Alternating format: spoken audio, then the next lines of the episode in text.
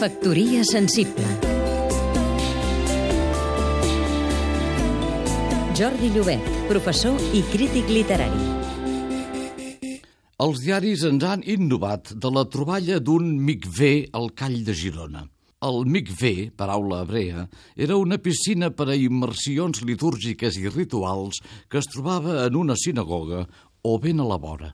Seguint un verset del Levític, el llibre més normatiu del Pentateuc i de tota la Bíblia, que diu «Banyaràs en aigua tot el cos», la litúrgia hebrea medieval establia que havien de submergir-se completament en l'aigua d'aquestes piscines les dones després de la menstruació i després del part, però també els prosèlits, és a dir, els convertits de nou al judaïsme, i també els jueus més pietosos que sovint es banyaven cada dia al mikvé abans de l'oració del matí.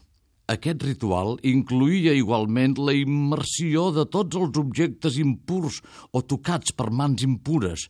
Per exemple, quan un joveu ortodox comprava un objecte qualsevol a un gentil, estava obligat a submergir-lo en el mikvé per assegurar-li una puresa absoluta i poder-lo fer servir.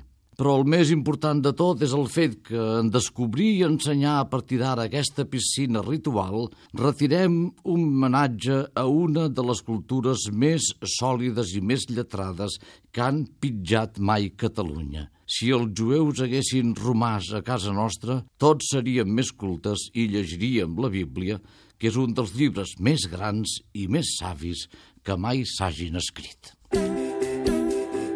Factoria sensible Seguim-nos també a catradio.cat.